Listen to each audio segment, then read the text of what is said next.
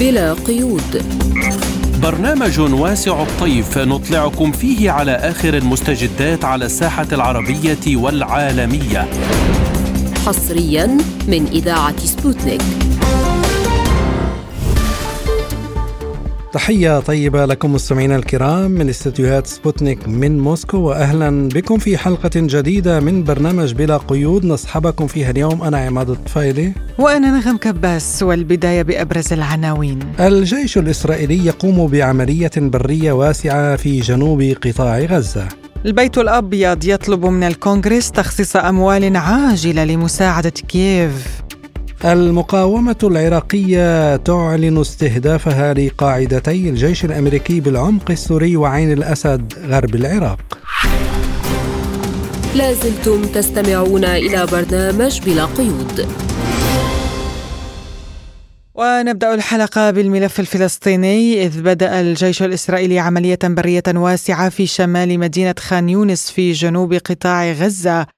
وكذلك قام بالهجوم على 200 هدف تابع لحركة حماس الفلسطينية في قطاع غزة ليلا مشيرا إلى أنه دمر بنية تحتية للحركة داخل مدرسة في بيت حانون شمال شرقي القطاع.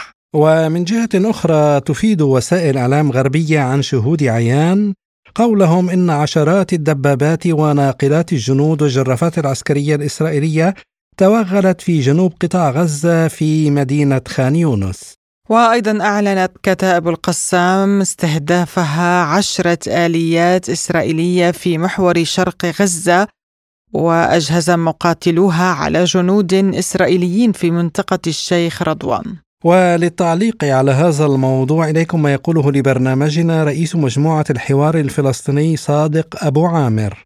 بالنسبة للعملية العسكرية الواضح أن لا زال هدف تدمير القدرات العسكرية لحركة حماس هو الأولوية الأولى لقوات الاحتلال وأدركت قوات الاحتلال أن القضاء أو أو آه، تفكيك بعض القدرات العسكرية لحركة حماس في شمال قطاع غزة لن يكون كافيا لإتمام الهدف الأساسي من هذا العدوان، هذا ما أعلنته القياده القيادة العسكرية وكذلك الأمر المجلس الحرب العسكري الإسرائيلي الذي يقود اليوم أهداف العدوان ويدير العمليات على أرض أرض قطاع غزه. فيما يخص خان يونس على وجه الخصوص تعتقد أو تروج القيادة الصهيونية بأن تتمركز قيادة حركة حماس في هذه المنطقة خاصة أن يحيى السنوار ومحمد الضيف هم بالأساس آه، من سكان مدينة خريوز وعلى هذه الدعاية وعلى هذا على هذا الأساس يعني تروج أن آه، هناك آه، ضرورة عملياتية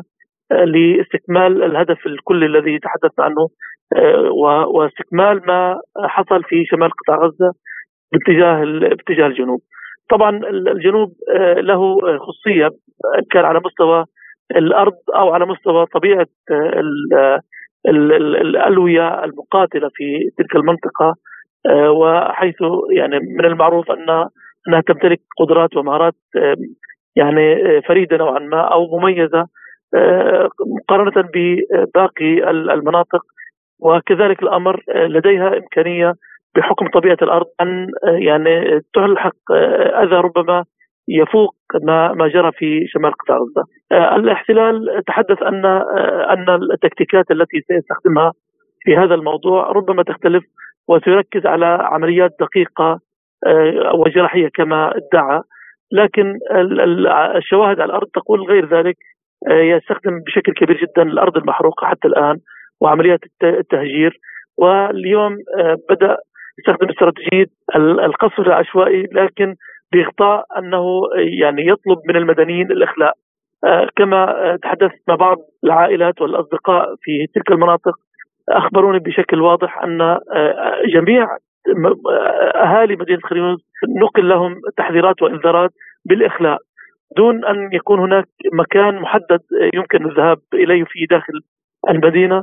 في المقابل القصف يكون عشوائي وهذه آه، حيلة يمارسها الاحتلال حتى يعني يغطي آه، على جرائمه التي يعني ليقول أن آه، أنه يعني قبل أن يرتكب تلك الجرائم أو هذا القصف العشوائي بحق المدنيين أنه أنذر المدنيين، لذلك يعني نحن نحذر ونسلط الأضواء ونناشد المجتمع المدني والقوى المحبة للأمن والسلام بأن تفرض على هذا الاحتلال وقف عدوانه وان يكون مباشرة الانتقال مباشرة إلى الذهاب نحو وقف اطلاق النار بدل الفوضات التي تجري حول الهدن الإنسانية التي تحولت إلى أداة ابتزاز من قبل الاحتلال لسكان قطاع غزة في محاولة قتل أكبر عدد ممكن من الناس لتخفيض ثمن الصفقة التي يمكن أن تعقدها إسرائيل مع قياده المقاومة الفلسطينية في قطاع غزة. وفيما اذا كان الهدف التالي للجيش الإسرائيلي بعد قطاع غزة الضفة الغربية يقول أبو عامر من الواضح أن جزء أساسي من أهداف هذا العدوان آه، على قطاع غزة هو محاولة إخماد هذه الجبهة وإسكاتها ليتفرغ الاحتلال بشكل واضح و آه، يعني يكون مطمئنا إلى أن آه، حركة حماس لن تتدخل لمنع يعني اهدافه العدوانية في الضفة الغربية. تحديدا مسألة التهجير وتقسيم تلك المناطق على شكل كنتونات. لكن بشكل أساسي سيعتمد آه، جيش الاحتلال ليس فقط على قواته النظامية إنما آه، يبني بذات الوقت جيش من المستوطنين وأيضا يحضر إلى آه، جلب مليون مستوطن جديد إلى مناطق الضفة الغربية، إذا لديه مشروع كبير، المشروع الأساسي هو في الضفة الغربية بالأساس، لكن جبهة غزة هي وجوب ما يجب ما يلزم من أجل تحقيق هذا الهدف من خلال محاولة يعني الضغط إلى أقصى قدر ممكن من أجل إخماد هذه الجبهة. واسكاتها بأشكال مختلفة إما بالتهجير والقضاء على قدرات المقاومة أو محاولة يعني آه، إذا لم يستطع ذلك ولم ينجح بذلك عقد هدنة تلزم المقاومة بعدم التدخل في حال جرى آه، يعني جرت عمليات عسكرية تجاه الضفة الغربية أو حتى تجاه الفلسطينيين في ال 48 لأنه آه، بالأساس كل هذه الحرب مرتبطة بمحاولة تغيير المعادلة الديمغرافيه التي تعمل لصالح الفلسطينيين بالأساس. وهذا آه، يعني أحد محددات الصراع التي يعني اعتمدها الاحتلال طوال تاريخ الصراع منذ منذ يعني النكبة التي كانت على قاعدة تفريغ السكان لنجاح مشروع الاستيطاني واليوم أدرك ان ان أن مشروع الاستيطاني لا يتم إلا بمحاولة تغيير المعادلة الديمغرافية أو الهندسة الديمغرافية بما يخدم مشروع الاستيطاني والاستعماري في المنطقة. وعن إعلان قطر مواصلة الجهود لاستئناف التهدئة في غزة واحتمالات توصل الطرفين إلى هدنة في الأيام المقبلة يقول أبو عامر الحقيقة أن الجهود القطرية يعني مستمرة منذ كما أعلنت القيادة القطرية وأمس الناطق الرسمي باسم وزارة الخارجية القطرية.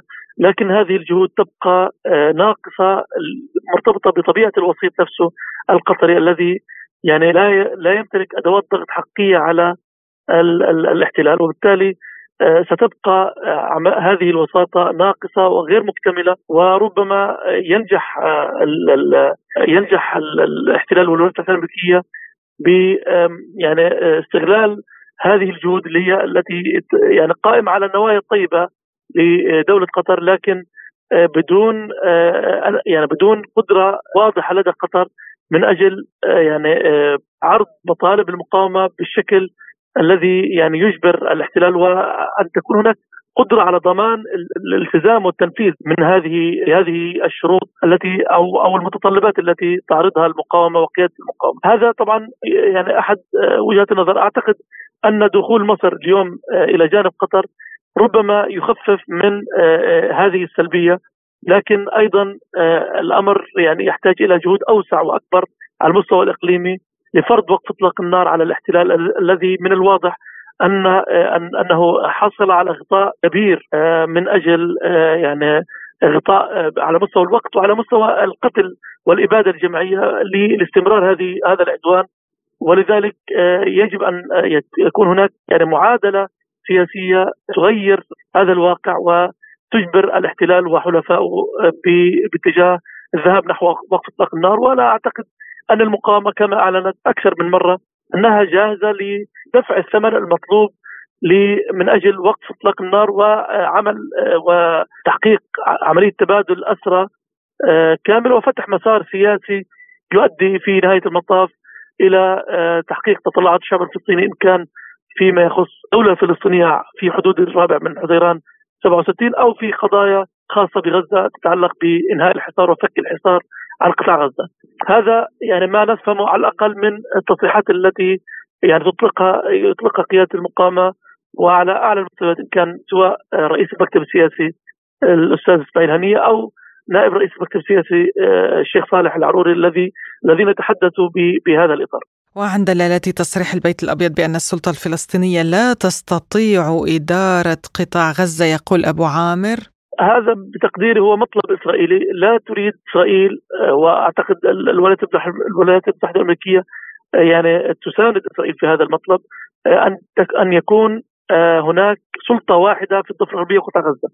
تريد أن أن تستفرد في كل طرف لأنه وجود سلطة واحدة في الضفة الغربية وقطاع غزة يجعل الاحتلال مضطر إلى دفع استحقاقات. يعني تكون هناك شروط ما يسمى الشريك الفلسطيني مكتملة وبالتالي آه، سيكون من الصعب على على الاحتلال والولايات المتحدة الامريكيه التملص من استحقاقات سياسية تتعلق بمسار حل الدولتين. وهذا ما يعني هذا يؤشر بشكل واضح إلى أن الخطاب الذي آه، تعلنه الولايات المتحدة الأمريكية فيما يخص حل الدولتين ربما آه، لا يحتمل لا يحمل جدية وربما في قدر من المخاتلة وعدم الموثوقية حقيقة لأنه إذا أرادت الولايات المتحده الامريكيه أن تفرض حق حقا حل الدولتين فيجب أن تكون إجراءاتها وسياساتها مختلفة تماما. بينما ما يحصل اليوم هو دعم العدوان الإسرائيلي بل آه، أكثر من ذلك يمكن أن نصف ما تقوم به الولايات المتحده الأمريكية من دعم آه، عسكري وعملياتي واستخباراتي للاحتلال بأنها شراكة كاملة في هذا العدوان. آه، وهذا أمر مؤسف بالنسبة لدولة آه، عظمى مثل الولايات المتحده الأمريكية. الكثير يعول على دور إيجابي وبناء في حفظ الأمن والاستقرار في المنطقة وعلى مستوى العالم. استمعنا إلى رئيس مجموعة الحوار الفلسطيني صادق أبو عامر. لازلتم تستمعون إلى برنامج بلا قيود. وإلى الشأن الأوكراني إذ أعلن منسق الاتصالات الاستراتيجية في مجلس الأمن القومي بالبيت الأبيض جون كيربي أن إدارة الرئيس الأمريكي جون بايدن في حاجة ماسة للمال لتمويل مساعدات أوكرانيا وهناك أيضا أموال لإسرائيل ولأمن الحدود مشيرا إلى عدم إمكانية التأكيد على قدرة الإدارة الأمريكية على جمع ما يكفي من الأموال لدعم أوكرانيا وإسرائيل وضمان الأمن القومي في آن واحد.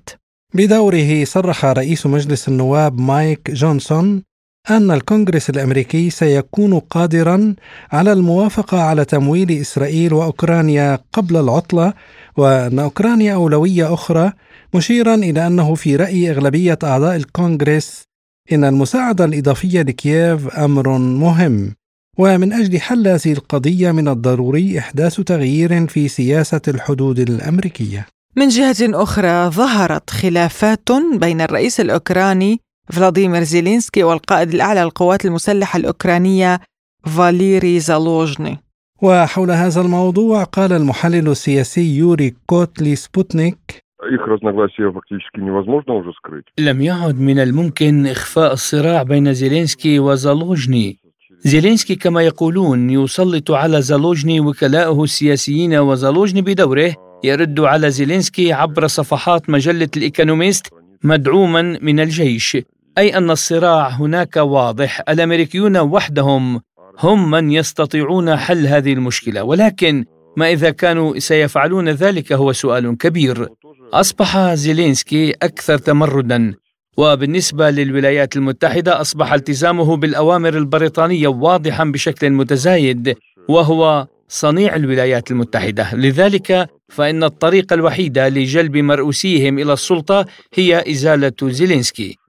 ومع ذلك فإن الوضع خطير بالنسبة لزالوجني نفسه ولا سيما أنه مؤخرا تم قتل مساعده كإشارة على إمكانية قتل القائد الأعلى نفسه. زيلينسكي مستعد لفعل أي شيء من أجل بقائه على سدة الحكم. وبخصوص الوضع الميداني قال الخبير العسكري أندري ماروتشكا لسبوتنيك خلال عطلة نهاية الأسبوع أحرزت القوات الروسية تقدما على الجبهات الثلاث حيث دارت معارك ساخنة رغم التقلبات الجوية التي تتراوح بين زائد 14 وناقص 9 درجات. وكل هذا كان مصحوبا بهطول الأمطار. أعتقد أنه ستكون في الفترة القادمة أيضا أحداث ساخنة جدا في الاتجاهات الثلاثة. حول هذا تتحدث بيانات المخابرات حيث يعمل العدو على تجديد قوته وإنشاء نوع من القبضات الضاربة وتشكيلها في مناطق مختلفة ثم إلقاؤها على الفور في المعركة. يتحرك خط التماس القتالي في اتجاهات مختلفة مما يدل على نشاط كبير من الجانبين. يعلن العدو بدوره أنه سيتخذ موقفا دفاعيا ولكنه في الواقع اتخذ موقفا دفاعيا منذ زمن طويل. سيكون شهر ديسمبر شهرا رئيسيا بالنسبة للمسلحين الأوكرانيين لأنه خلال الشهر الماضي كان هناك أدنى إمدادات من الأسلحة والذخيرة كما أن لديهم أيضا مشاكل كبيرة في التجنيد وتجديد الخسائر على خط الاتصال القتالي. والآن سيبدأ التأثير التراكمي حيز التنفيذ في ديسمبر. لقد اجتاحت القوارض جميع مواقع القوات المسلحة الأوكرانية لتتلف المؤن وأيضا وسائل الحماية وتدمر وسائل الاتصال. هذه مشكلة هائلة على خط التماس القتالي حتى أنهم يحشدون القطط لهذا الغرض لعدم معرفتهم بكيفية التعامل مع هذا الأمر. ولمناقشة مستجدات الملف الأوكراني ينضم إلينا عبر الهاتف الخبير بالشأن الروسي الدكتور فايز حوالة أهلا بك دكتور في برنامج بلا قيود. تحية لكم ولمستمعيكم ومتابعيكم الأكارم. أهلا بك دكتور. يعني البيت الأبيض قال بأنه بحاجة ماسة لمساعدات لأوكرانيا وأن أوكرانيا أولوية كما إسرائيل. أه هل تعتقد أن أمريكا قادرة على الموازنة بين هاتين الكفتين؟ ولماذا كل هذا الإصرار على الدعم الأوكراني والضغط على الشعب الأمريكي؟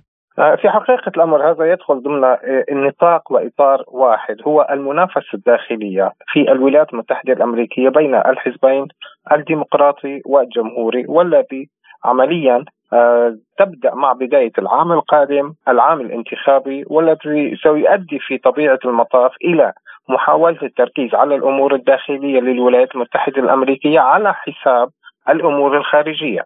ولطالما الموضوع الأوكراني يلعب دورا كبيرا في إدارة الديمقراطيين أي الرئيس بايدن الذي يحاول آه، الاحتفاظ بمنصبه في الانتخابات القادمة.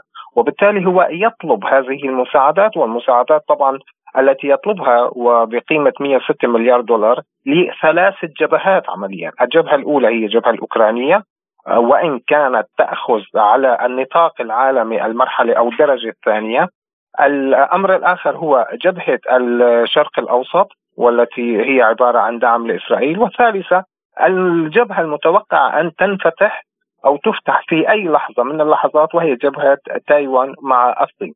لذلك هم يحاولون اليوم الحصول وطبعا هذا الأمر أعتقد سوف يكون بعد الحادي عشر من الشهر الجاري آه، لمناقشة هذا الموضوع في آه، مجلس الشيوخ والكونغرس الذي إلى هذه اللحظة لا يحاولون المصادقة أو أو تسهيل عملية صرف وإعطاء الأموال لاوكرانيا تحديدا.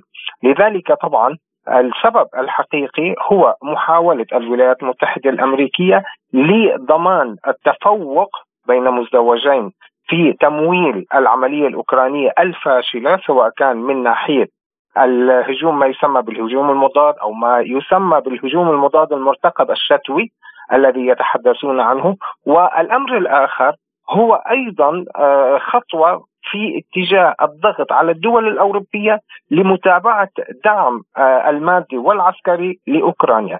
لأننا نلاحظ بأن الاهتمام بالموضوع الأوكراني سواء كان من دول الاتحاد الأوروبي أو دول الناتو أو حتى الولايات المتحدة الأمريكية قد ضعف لأنهم أصبحوا آه، على يقين تام بأن العملية العسكرية ناجحة بالنسبة لروسيا وفاشلة بالنسبة لهم ولم ولن يستطيعوا إلحاق الهزيمة الاستراتيجية التي كانوا يترقبونها بروسيا الاتحادية على أرض المعركة. وبالتالي هم يحاولون أن يفقوا هذا النزاع أي تجميد الصراع في أوكرانيا من أجل استخدامه كورقة انتخابية في داخل الولايات المتحدة الأمريكية، بمعنى آخر أنهم يحاولون اليوم من هنا أو من هناك تزويد ما يستطيعون تزويده لأوكرانيا فقط من أجل الاستمرار في عملياتهم العسكرية ضد الجيش الروسي حتى تتم الانتخابات الأمريكية ويكون في نهاية المطاف معروف إلى أين سوف تصل الأمور الأوكرانية لأن أي توقف أو انسحاب هذا يعني أنهم اعتراف بالخسارة. دكتور فايز يعني فيما يخص إلى أين ستصب الأمور الأوكرانية هناك تصريح لرئيس لجنة مجلس الدوما للشؤون الدولية ليانيد سلوتسكي يقول إن الغرب يقترب من الاعتراف بحتمية هزيمة نظام زيلينسكي يعني هل برأيك بدأت ملامح هذا الاعتراف واضحة لدى الدول الغربية؟ هم يعترفون في حقيقة الأمر بالخسارة ولكن هم يحاولون اليوم إلباس هذه الخسارة لزيلينسكي الذي سيحاولون التخلص منه بمختلف الوسائل مثلا هل سوف يتم هناك آه، انتخابات رئاسية آه، في العام المقبل في أوكرانيا أم أنه سوف يتم اغتيال آه، زيلينسكي أو أن زيلينسكي سوف يهرب من أوكرانيا؟ بكل الأحوال مهما حصل هم يحاولون إلباس كل الفشل الذي تحققوه والذي لحق بهم في فشلهم في مواجهة الجيش الروسي وتحقيق أي هدف من أهدافهم، لذلك فطبعا ما يتعلق بزيلينسكي وخاصة ما نلاحظ اليوم من الأمور الداخلية ضمن إدارة زيلينسكي والخلافات مثلا بين زالوجني وزيلينسكي. وكيف أن زالوجني اليوم حسب الإحصائيات الأولية أو التقديرات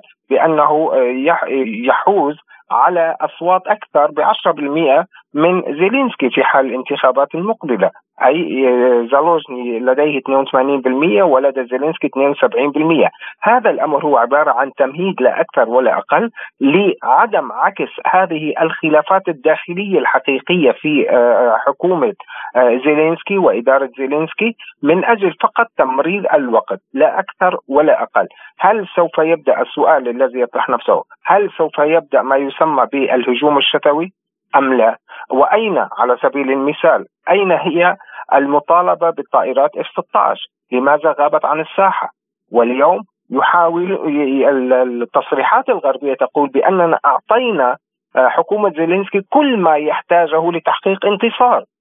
هذا يعني بأنهم يضعون باللومة على زيلينسكي وكأنه هو من يخطط وهو من ينفذ مع العلم أن كل العالم أصبح يعلم بأن حتى آه، على الجبهات يتواجد الأجانب ويتواجد ضباط من الناتو والولايات المتحدة الأمريكية وحتى المعلومات الاستخباراتية واللوجستية تصله فقط وبشكل استثنائي من بريطانيا ومن الولايات المتحدة الأمريكية، لذلك هناك عملية تسابق للتخلص من زيلينسكي وتحميله السبب في الهزيمة آه، طيب طيب كيف سيتصرف الغرب بعد التخلص من زيلينسكي؟ يعني لنفرض بأنهم تخلصوا منه بطريقة ما آه، كما ذكرت حضرتك هناك ثلاث آه، احتمالات كيف سيتصرف الغرب بعد زيلينسكي؟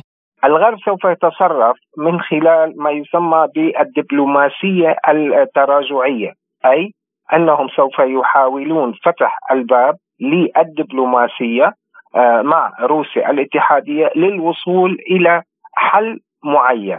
وهذا الحل بدأت تطرحه آه، بعض الدول الغربية تحديدا وخاصة بأن هناك آه، إعطاء ضمانات بأن أوكرانيا لن تنضم إلى الناتو على سبيل المثال ولكن يبقى الباب مفتوح لضمها إلى الاتحاد الأوروبي، هذا من ناحية، من ناحية أخرى ما ما هو موضوع الديون المتراكمة على أوكرانيا، من سيدفع؟ هل سوف تأخذ روسيا آه، بهذا الأمر وتدفع عن آه، أوكرانيا ديونها؟ هذا أمر ثاني، الأمر الآخر هناك نوع من المبادره المباشرة بمعنى آخر هناك أصوات تقول بأنه يمكن الوصول إلى آه، حل وسلام للأزمة في أوكرانيا مع روسيا الاتحادية بأن لا ينظروا على الإطلاق إلى موضوع القرم وماذا عن باقي المناطق الأربعة التي انضمت إلى روسيا الاتحادية؟ هذا هو الميزان التجاري عمليا أو البازار التجاري الدبلوماسي الذين يحاولون من خلاله جس النبض لدى روسيا الاتحادية ومعرفة مدى جدي مدى رغبتها في التنازل لحتى يظهروا أنفسهم بأنهم حققوا شيء معين، أي بمعنى آخر كما قلت في حال أنهم غضوا الطرف عن القرم هل سوف تلجأ روسيا الاتحادية إلى التنازل عن المناطق الأربعة الجديدة التي انضمت إليها؟ وهذا الأمر طبعا بالنسبة لسوريا أم آه، لروسيا الاتحادية آه، أمر مرفوض بالغاية. السؤال الذي يطرح نفسه دعونا ننتظر ما هي المناطق التاريخية الجديدة التي سوف تنضم إلى روسيا الاتحادية. عندها لكل حادث حديث. طيب دكتور فايز مكتب زيلينسكي جاهز لإجراء الانتخابات الرئاسية فقط؟ في حال عدم مشاركة يعني القائد الأعلى للقوات المسلحة الأوكرانية زالوجني في السباق الرئاسي يعني ما عواقب اشتداد الخلافات في الدوائر السياسية والعسكرية في أوكرانيا برأيك؟ أنا برأيي فقط هو لغض الطرف أو توجيه الأنظار إلى أن هناك أمورا بين مزدوجين ديمقراطية تسير في أوكرانيا وأن الانتخابات سوف تكون ديمقراطية وشفافة مع العلم أننا نعلم بأن أكثر من 12 ل 14 مليون أوكراني هم خارج أوكرانيا وبالتالي تنظيم في حال الحرب آه، أي استفتاء أو انتخابات يعتبر أمر صعب للغاية وبالتالي هنا تدخل الماكينة الأمريكية في تحديد من ترغب في حال حصول انتخابات رئاسية آه، ليصل إلى سده الحكم. هذا من ناحية. من ناحية أخرى لماذا زالوجني لماذا زالوجني وزيلينسكي تحديدا؟ ما دور الساسه الآخرون؟ يعني مثلا نحن نرى اليوم بأن هناك عقبات تضعها إدارة زيلينسكي في وجه باقي الأحزاب التي هي في حقيقة الأمر كانت في سدة الحكم على سبيل المثال براشينكا عندما منعوه من مغادرة أوكرانيا. هذا الأمر يعني بأن هناك مخاوف داخلية ومن حصول في نهاية المطاف حرب أهلية داخلية. في الصراع بين العسكر وال... والقادة السياسيين؟ بالضبط بالضبط تحديدا. يعني زالوجني أنت تعتقد بأنه ربما يكون البديل عن زيلينسكي إن تلقى دعما غربيا واليوم نرى في وسائل الإعلام الغربية أن هناك دعم إعلامي له. هناك دعم إعلامي له ولكن دعونا ننتظر المفاجآت من الولايات المتحدة الأمريكية. لماذا زالوجني؟ هناك شخص آخر مقرب أكثر من زالوجني للولايات المتحدة الأمريكية وهو وزير الدفاع الحالي الذي هو من جماعة فتح الله جولين ودرس وتخرج من الأكاديميات الأمريكية.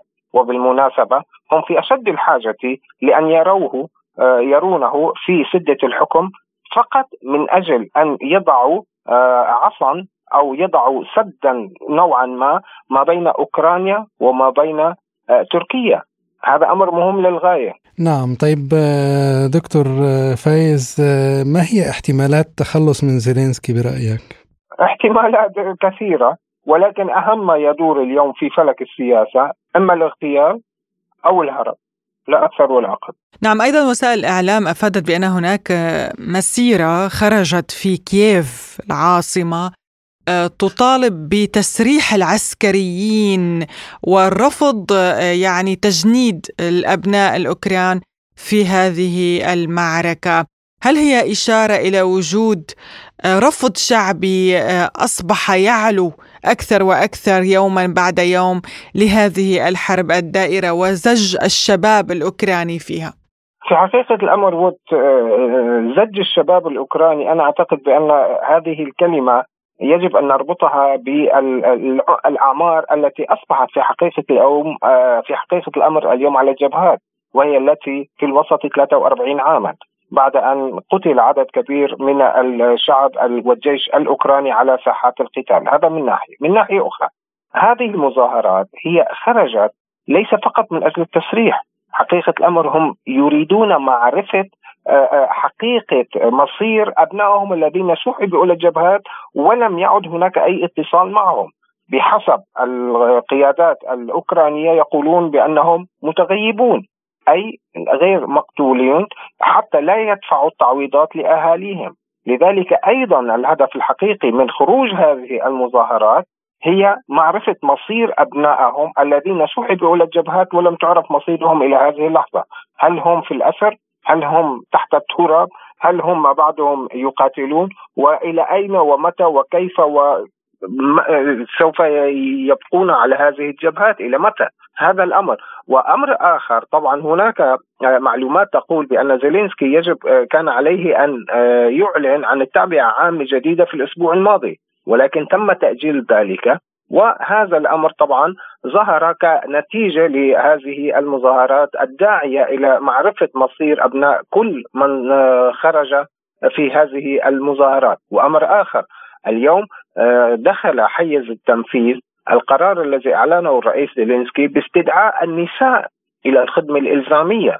وهذا الأمر أيضا آه، يشكل ضغطا آخر بشكل مباشر على الشعب الأوكراني الذي لا يرغب أصلا في محاربة أشقائه الروس.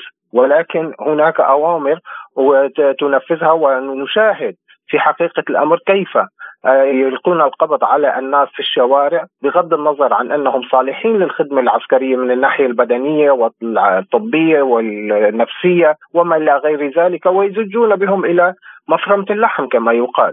لذلك هذا أيضا أحد الأسباب التي سوف تستدعي في نهاية المطاف إلى زعزعة الاستقرار السياسي الداخلي في آه، آه، أوكرانيا والدور اليوم من يحمل المسؤولية لمن في وصول أوكرانيا إلى هذه الدرجة؟ الغرب يحملها لزيلينسكي وحكومته على أنه يؤمن له كل ما يطلبه من الأسلحة والأموال والداخل أي زيلينسكي وحكومته يحملون الغرب على أنهم لم يقدموا لهم ما أرادوا من الأسلحة. وهذه الخلافات سوف تظهر أكثر فأكثر مع الأيام القادمة إلى السطح وسوف نشاهد ما سنشاهده ولكن في حقيقة الأمر نحن بانتظار تحرير المناطق أو الأراضي التاريخية لروسيا الاتحادية من النازية الجديدة التي تحاول في حقيقة الأمر السيطرة على أوكرانيا. نعم الخبير في الشأن الروسي الدكتور فائز حوالة كنت معنا من موسكو. شكرا جزيلا لك. أهلا وسهلا بكم. لازلتم تستمعون إلى برنامج بلا قيود. وفي العراق أعلنت المقاومة الإسلامية هناك استهدافها قاعدة الجيش الأمريكي في القرية الخضراء بالعمق السوري وعين الأسد غرب العراق بطائرتين مسيرتين أصابتا الأهداف بشكل مباشر. وأشارت المقاومة الإسلامية إلى أن هذه الاستهدافات تأتي ردا على الجرائم التي يرتكبها العدو بحق أهلنا في غزة.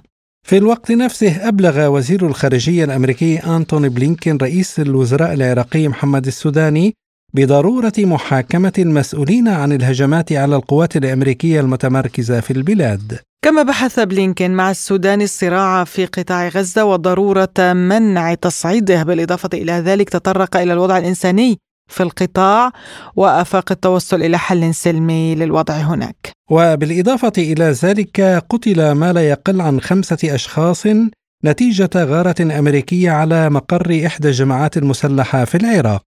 حول هذا الموضوع قال لبرنامجنا الخبير في الشأن العراقي علي البيدر.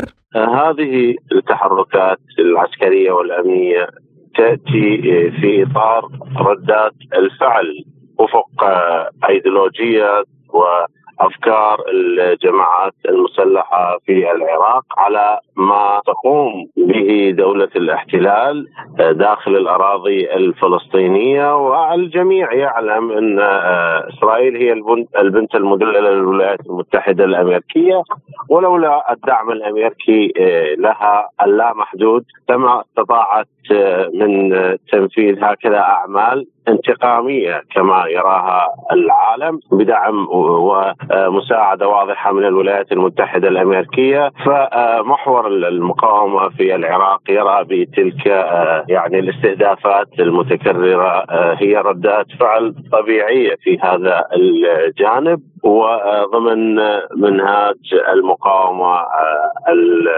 مسلحة في العراق التي ترى في الوجود الأمريكي غير مرغوب بها وأنها لا ترحب بالوجود الأمريكي في العراق وتحاول الضغط باتجاه تقليل هذا النفوذ عسكريا وسياسيا وعلى كل المستويات والأصعدة. وعن الإجراءات التي يمكن أن تتخذها السلطات العراقية لمنع المزيد من التصعيد يقول البيدر.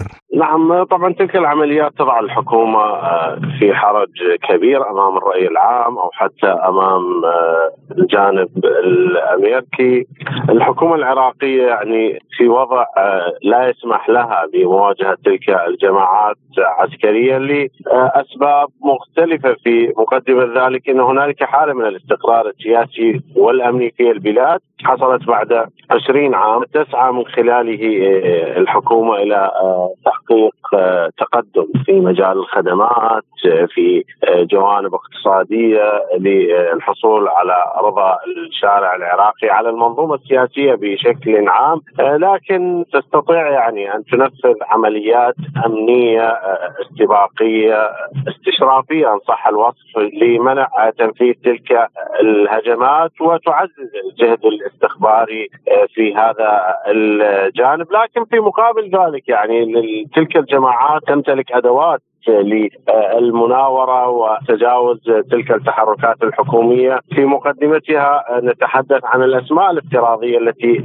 تطرحها لمواجهة أو لتنفيذ تلك العمليات المسلحة هو يعني استغلال بعض التضاريس أو بعض الأماكن التي يصعب على الحكومة الوصول إليها أو حتى نتحدث عن يعني تنفيذ عمليات من مواقع نستطيع أن نسميها بالخطوط الحمراء داخل العراق أي إنها قريبة من بؤر تنظيم داعش الإرهابي الذي لا يزال يتواجد في بعض المناطق ويستغل تضاريسها. كل تلك الأمور ربما تصعب على الحكومة العراقية تنفيذ تلك العمليات لكنها عازمة بشكل كبير على حد منها ومواجهة تلك الأطراف ومحاسبتهم وفق القانون العراقي. وفيما إذا كانت واشنطن تفكر في مغادرة العراق أم على العكس ترغب في توسيع نفوذها هناك يقول البيدر تصور آه، لا يمكن للولايات المتحدة الأمريكية أن تضحي بالعراق كموقع جيوسياسي وهي تسعى لتعزيز آه، تواجدها خصوصا إن آه، يعني المشهد العراقي مرتبط بالجانب السوري وفي نفس التوقيت نتحدث عن قرب العراق من إيران هي لا يمكن أن يعني تكرر آه، الخطأ الذي حصل في العام 2011 وهي ماضية في تعزيز إمكانياتها ونفوذها داخل البلاد على كافة المستويات والأصعدة. شاهدنا آه، ليلة أمس آه، ردة فعل أمريكية أدت إلى وقوع عدد من الضحايا العراقيين لدى إحدى الفصائل المسلحة المتهمة بتنفيذ تلك العمليات. كل هذه الأمور وكل هذه المؤشرات تدل على أن الولايات المتحدة عازمة على استثمار المشهد العراقي استثمار أمثل وتعزيز نفوذها داخل البلاد وتعميقه يعني لا حتى نتحدث عن وصوله إلى مستويات مغادرة بعض الأطراف والجهات المجتمعية، الاقتراب من الشارع، تنفيذ بعض المشاريع الخدمية لكسب ود المجتمع العراقي، كل هذه الأمور تؤشر على رغبة الولايات المتحدة بالبقاء في العراق عسكريا وتوسيع نفوذها سياسيا ودبلوماسيا والعمل بشكل كبير على يعني أن يكون للولايات المتحدة دور في توجيه العراق آه، حسب يعني مصلحتها كما هو معروف كل هذه مؤشرات واضحة آه، على استمرار الولايات المتحدة في نهجها وزيادة وتيرة نفوذها داخل المشهد العراقي. أتصور لن تتوقف تلك الهجمات يعني سوف تستمر ما دام الوجود الامريكي حاضر في العراق وما دامت هنالك رغبة سياسية ومجتمعية وعسكرية لدى بعض الأطراف التي آه، تؤشر إنها قريبة من الجانب الإيراني استمعنا إلى الخبير في الشأن العراقي علي البيدر. لازلتم تستمعون إلى برنامج بلا قيود. وإلى الإمارات حيث يعقد مؤتمر الأطراف كوب 28 لتغير المناخ إذ تعتزم الإمارات تخصيص 150 مليون دولار لحل المشاكل المتعلقة بنقص الموارد المائية وحلول الأمن المائي في المجتمعات الهشة والضعيفة في العالم. وقال وزير الصناعة والتكنولوجيا المتقدمة رئيس مؤتمر كوب 28 الإماراتي سلطان بن أحمد الجابر إن الإمارات ساهمت بمبلغ 100 مليون دولار في الصندوق الاستئماني للبنك الدولي الذي يمول مشاريع للحد من انبعاثات غاز الميثان. كما دشن الرئيس الإماراتي محمد بن زايد آل نهيان صندوقا للحلول المناخية على مستوى العالم بقيمة 30 مليار دولار. وللمزيد حول هذا الموضوع ينضم إلينا عبر الهاتف الخبير الاقتصادي الإماراتي الدكتور نايل الجوابرة. آه، أهلا بك سيدي الكريم في هذه الحلقة من بلا قيود. يعني نبدأ من الإمارات تخصص 150 مليون دولار لحل المشاكل المتعلقة بنقص الموارد المائية. ما أهمية إنشاء هذا الصندوق وهل سيساعد في حل المشاكل المتعلقة بنقص الموارد المائية خاصة في الدول يعني التي تعاني من هذا الموضوع؟ هي بكل تأكيد تخصيص بأن يكون هناك حل لهذه المشاكل، دائما نسمع أرقام ونسمع أن يكون هناك حل لهذه المشاكل ولكن كوب 28 أدى إلى أن يكون هناك حلول فعلية ووجود أرقام فعلية حتى يكون هناك ضخ هذه الأموال لحل هذه المشاكل، لا لا ننسى أن هناك كثير من الدول تعاني بنقص المياه ونقص هذه المياه تؤثر بكل تأكيد على هذا الشعب وتؤثر بكل تأكيد على حياة الكوكب وبكل تأكيد يكون هناك نقص المياه بنقص موارد كثيرة وخاصة نقص بوجود تغير المناخ اولا وتغير بكل تأكيد مواقع مواقع ومناطق كبيرة في العالم. طيب أستاذ نايل هذه التغيرات المناخية الحادة والتي تنذر بعواقب وخيمة على العديد من على كافة المجالات يعني كيف يساهم مؤتمر كوب 22 بالحد منها؟ هو يساهم بشكل كبير ولا ننسى أن الآن وصلنا إلى النقطة 28 وأن يكون هناك حلول جذرية بالنسبة إلى بالنسبة إلى المناطق التي تتأثر بشكل كبير من المناخ، لا ننسى الآن درجات الحرارة، وجود أيضا هناك العواصف ووجود مناطق بعدها تتأثر بأمطار غزيرة وهو ما يؤثر بأن يكون هناك عوامل سلبية في المستقبل، كوب 28 عليه أن يكون هناك جزء لا يتجزأ بأن يكون هناك ضوابط بكل تأكيد من المناخ. لا ننسى أن هناك ظهور أيضا باتجاه الدول المصد المنتجة للنفط أن يكون هناك الانبعاثات الكربونية إلى الصفر في عام 2030 وهذا ما يجعل هناك دعم كبير. نعم أيضا دكتور يعني نرى بأن الدول النفطية والغازية تتجه نحو الطاقة النظيفة. ما جدية الدول في الانتقال إلى الطاقة النظيفة والإمارات من أولى الدول التي تحاول الانتقال إليها؟ هي بكل تأكيد هذه النقلة تجعل هناك استمرارية للحياة وهناك أيضا تقليل الانبعاثات الكربونية وهذا ما يجعل هناك استمرارية إلى الطاقة النظيفة في العالم ويكون هناك حياة جديدة وطبعا لا ننسى تغيير المناخ هي الأثر الإيجابي بالنسبة أن يكون هناك التحول إلى الطاقة النظيفة والاعتماد عليها بشكل كامل من جميع الدول. طيب إلى أي مدى تعيق التجاذبات السياسية بين الدول تنفيذ ما يتم الاتفاق عليه في مؤتمر المناخ؟ هي بكل تأكيد تؤثر بشكل سلبي وهذا ما يجعل هناك أن يكون توافقات بشكل كبير بين الدول في الفترة الحالية وخاصة بعدما كان هناك تغير في العامين الماضيين بشكل كبير بتغيير المناخ إن كان من عواصف وإن كانت من وجود أمطار غزيرة وهو ما يجعل هناك بعض المناطق التي كانت تشهد هذه العواصف وتشهد الأمطار قد نفذ منها بشكل كبير وهذا ما يؤثر بشكل سلبي في المستقبل هذا التجمع بالنسبة لكوب 28 أن يكون نقله بشكل كبير إلى العالم ونقله بالنسبة إلى المناخ ويكون هناك عقد جديد بالنسبة إلى المناخ المتقدم واتجاه إلى الطاقة النظيفة وعدم التأثر بها في المستقبل. نعم أيضا الإمارات صرحت بأنها ستبذل قصارى جهدها من أجل تنفيذ مخرجات كوب 28 آه، ما آلية آه، آه، تنفيذ هذه المخرجات ويعني هل ستقوم الإمارات ربما بالتبرع المالي أكثر ربما بالحوار مع الدول من أجل تقريب وجهات النظر ربما هي اتفاقية تلزم الحكومات بتنفيذ مخرجات كوب 28 وهي جميعها وبدأها الشيخ محمد بن زايد رئيس الدولة بأن يكون هناك الصندوق 30 مليار دولار لتجميع 250 مليار دولار بأن يكون هناك دعم لهذه الدعم للدول ودعم إلى المناخ ودعم بشكل كبير أن يكون هذا الصندوق للدول التي تحتاج إلى دعم بشكل كبير في الفترة القادمة. هذا الصندوق سوف يكون له الأثر الإيجابي لكي يكون هناك نقلة بشكل كبير إلى الدول والنظرة طبعا بشكل أكبر إلى كيفية المنا... كيفية تأثير المناخ على كوكبنا بشكل كامل. طيب آه، الإمارات ستخصص 150 مليون دولار لحل المشاكل المتعلقة بنقص الموارد المائية.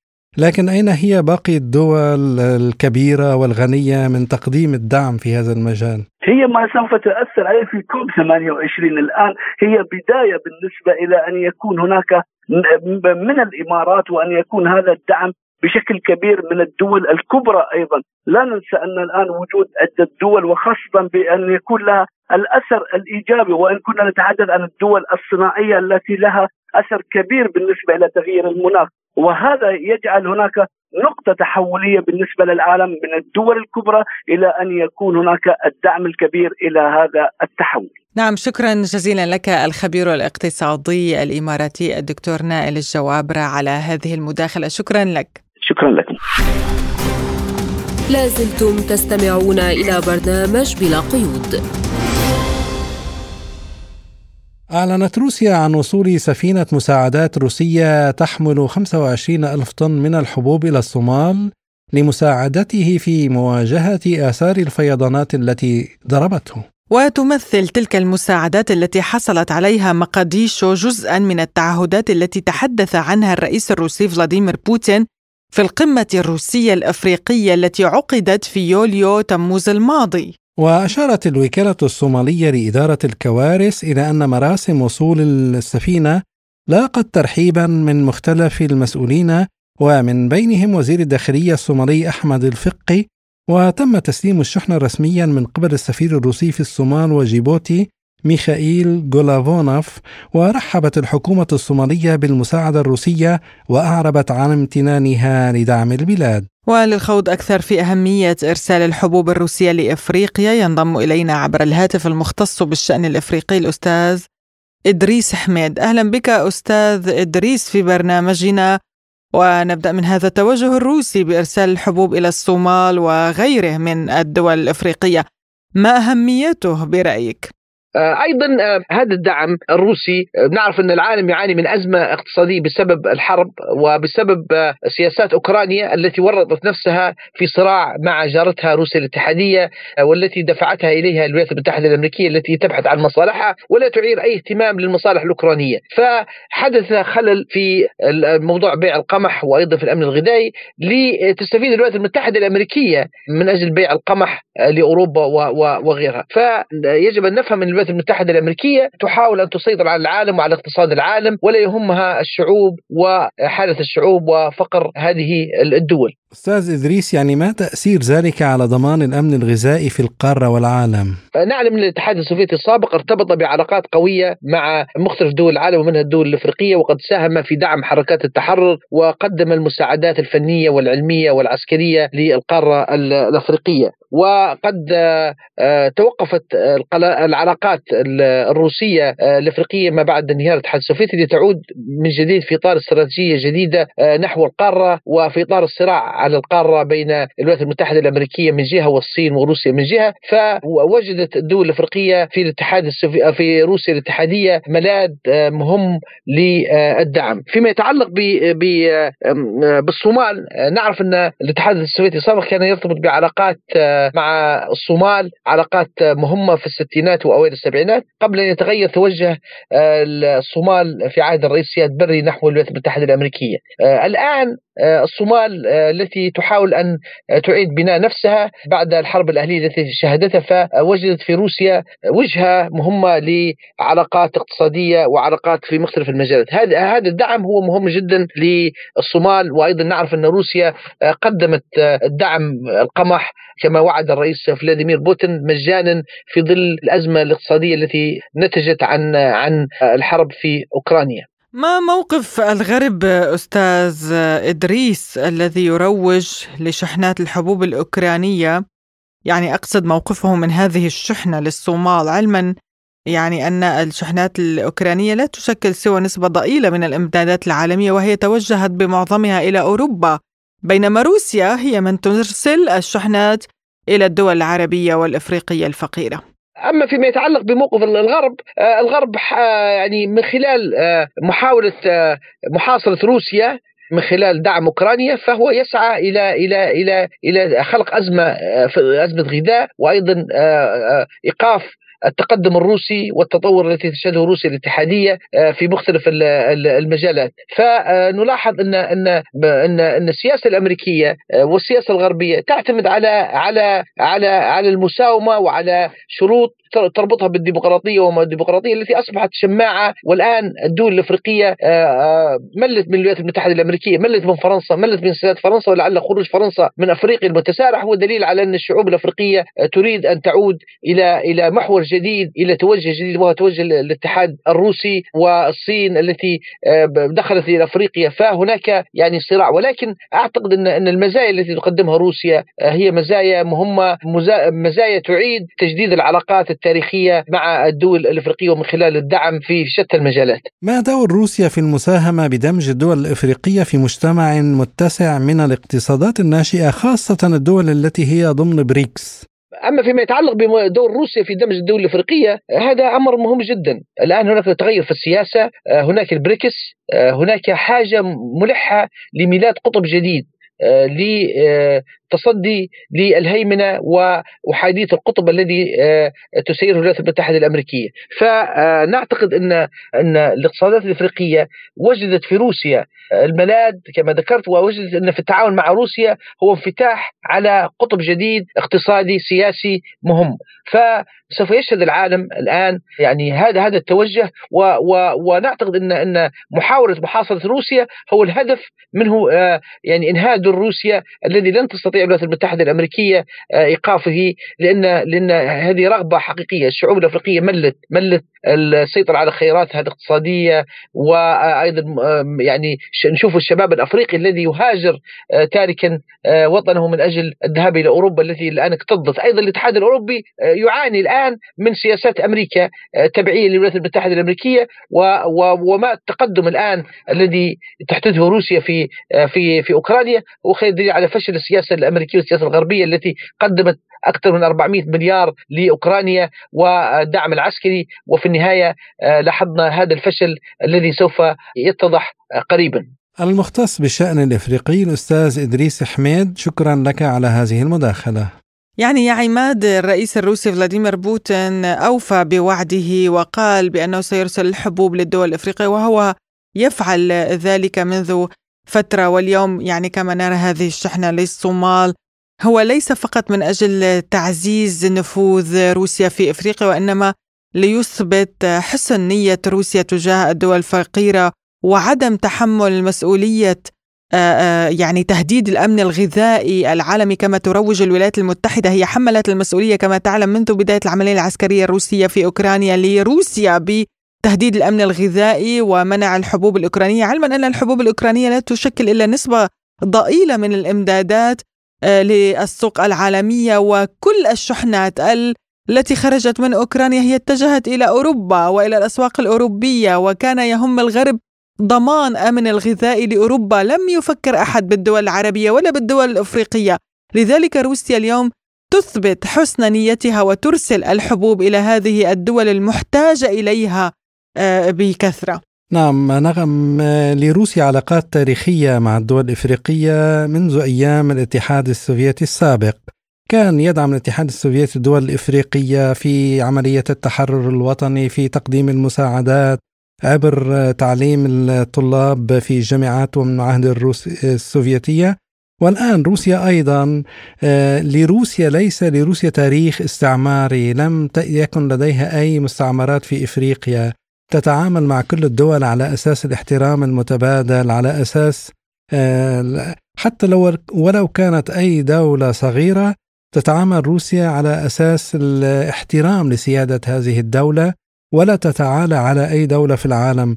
من الطبيعي أن تقوم روسيا يعني عندما أعلن الرئيس الروسي فلاديمير بوتين أن روسيا ستقدم الحبوب مجانا للدول الإفريقية يعني أوفى بذلك. وهذا ليس من باب الدعاية ولا كما قلت لتوسيع النفوذ.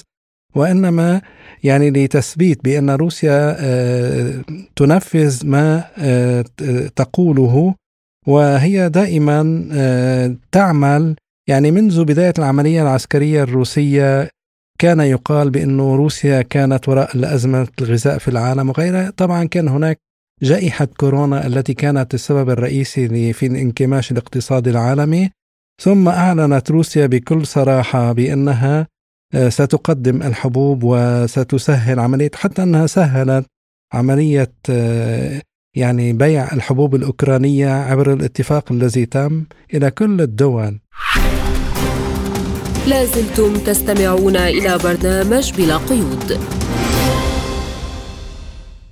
إلى أخبار متفرقة إذ أعلنت وزارة الدفاع الروسية أن القوات الروسية قصفت اللواءين 36 و 37 التابعين للبحرية الأوكرانية قرب خيرسون.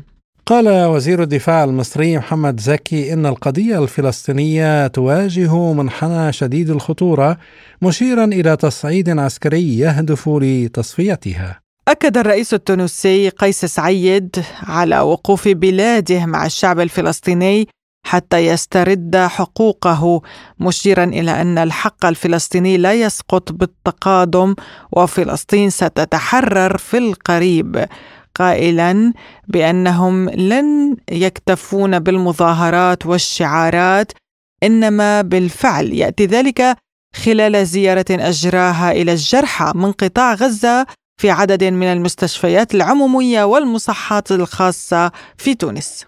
أفادت وسائل إعلام إسرائيلية بإصابة ثلاثة جنود إسرائيليين جراء سقوط قذائف هاو أطلقت من لبنان على مستوطنة شتوله. أفاد مركز تنسيق التجارة البحرية التابع للبحرية الملكية أن السفينة تغادر المنطقة بأقصى سرعة مؤكدا أنه لم يصب طاقم السفينة التجارية التي تعرضت لهجوم بطائرة مسيرة في مضيق باب المندب من قبل أنصار الله. ردت حركة حماس على التهديدات التي أطلقها جهاز الشباك الإسرائيلي بملاحقة قادة الحركة في العالم معتبرة أن هذه التهديدات تعكس المأزق السياسي والميداني لإسرائيل وهي لا تخيف أحدا. تداول رواد مواقع التواصل الاجتماعي تسجيلا مصورا لجنود إسرائيليين يمرحون بركوب الدراجات الهوائية على أنقاض المنازل المدمرة في قطاع غزة. وصف رئيس الوزراء البلجيكي ألكسندر ديكرو عدد القتلى المدنيين في قطاع غزة بأنه غير مسبوق، مشيرا إلى أن تدمير مجتمع وأرض بأكملها لا يمكن أن يكون حلا للوضع. نال فيديو لشبان سعوديين نشر على مواقع التواصل الاجتماعي شعبية كبيرة ويظهر فيه شبان سعوديون يقفون أمام أحد محلات العطور في موسكو ويتحدثان عن العطور وعن المحل. وشاب ثالث يصور المقطع ثم يأتي شاب روسي يسأل عن اللغة التي يتحدثون بها. فيجيب أحد الشبان الذي يتقن اللغة الروسية أنهم يتحدثون اللغة العربية. وبعد ذلك يقول المواطن الروسي إنه قرأ وسمع الكثير عن ولي العهد السعودي محمد بن سلمان وعبر عن إعجابه به. طالب إعلاميون عراقيون حكومتهم بتحرك دبلوماسي بهدف حشد التأييد لمحاسبة إسرائيل على استهداف الصحفيين وقتلهم أثناء تغطيتهم للحرب على قطاع غزة. وطالب الإعلاميون المجتمع الدولي بالالتفات إلى هذه القضية لما تنطوي عليه من انتهاكات جسيمة للقوانين الدولية. صرح مصدر دبلوماسي تركي لسبوتنيك أن مجموعة الاتصال المعنية بتسوية النزاع في غزة ستجري مفاوضات مع الإدارة الأمريكية هذا الأسبوع. رافضا التعليق على التوقعات من المحادثات. يأتي ذلك بعدما قام وزراء خارجية تركيا وإندونيسيا ونيجيريا والأردن ومصر وقطر والمملكة العربية السعودية بتشكيل مجموعة اتصال بشأن غزة. بهذا نصل وإياكم مستمعي سبوتنيك إلى ختام حلقة هذا اليوم من بلا قيود. قدمناها لكم من استديوهات سبوتنيك في موسكو. أنا نغم كباس وأنا عماد الطفيلي ومستمعينا الكرام تابعونا على موقع سبوتنيك Arabic dot ae وأيضا قناتنا على تيليجرام سبوتنيك عربي. وشكرا لإصغائكم وإلى اللقاء.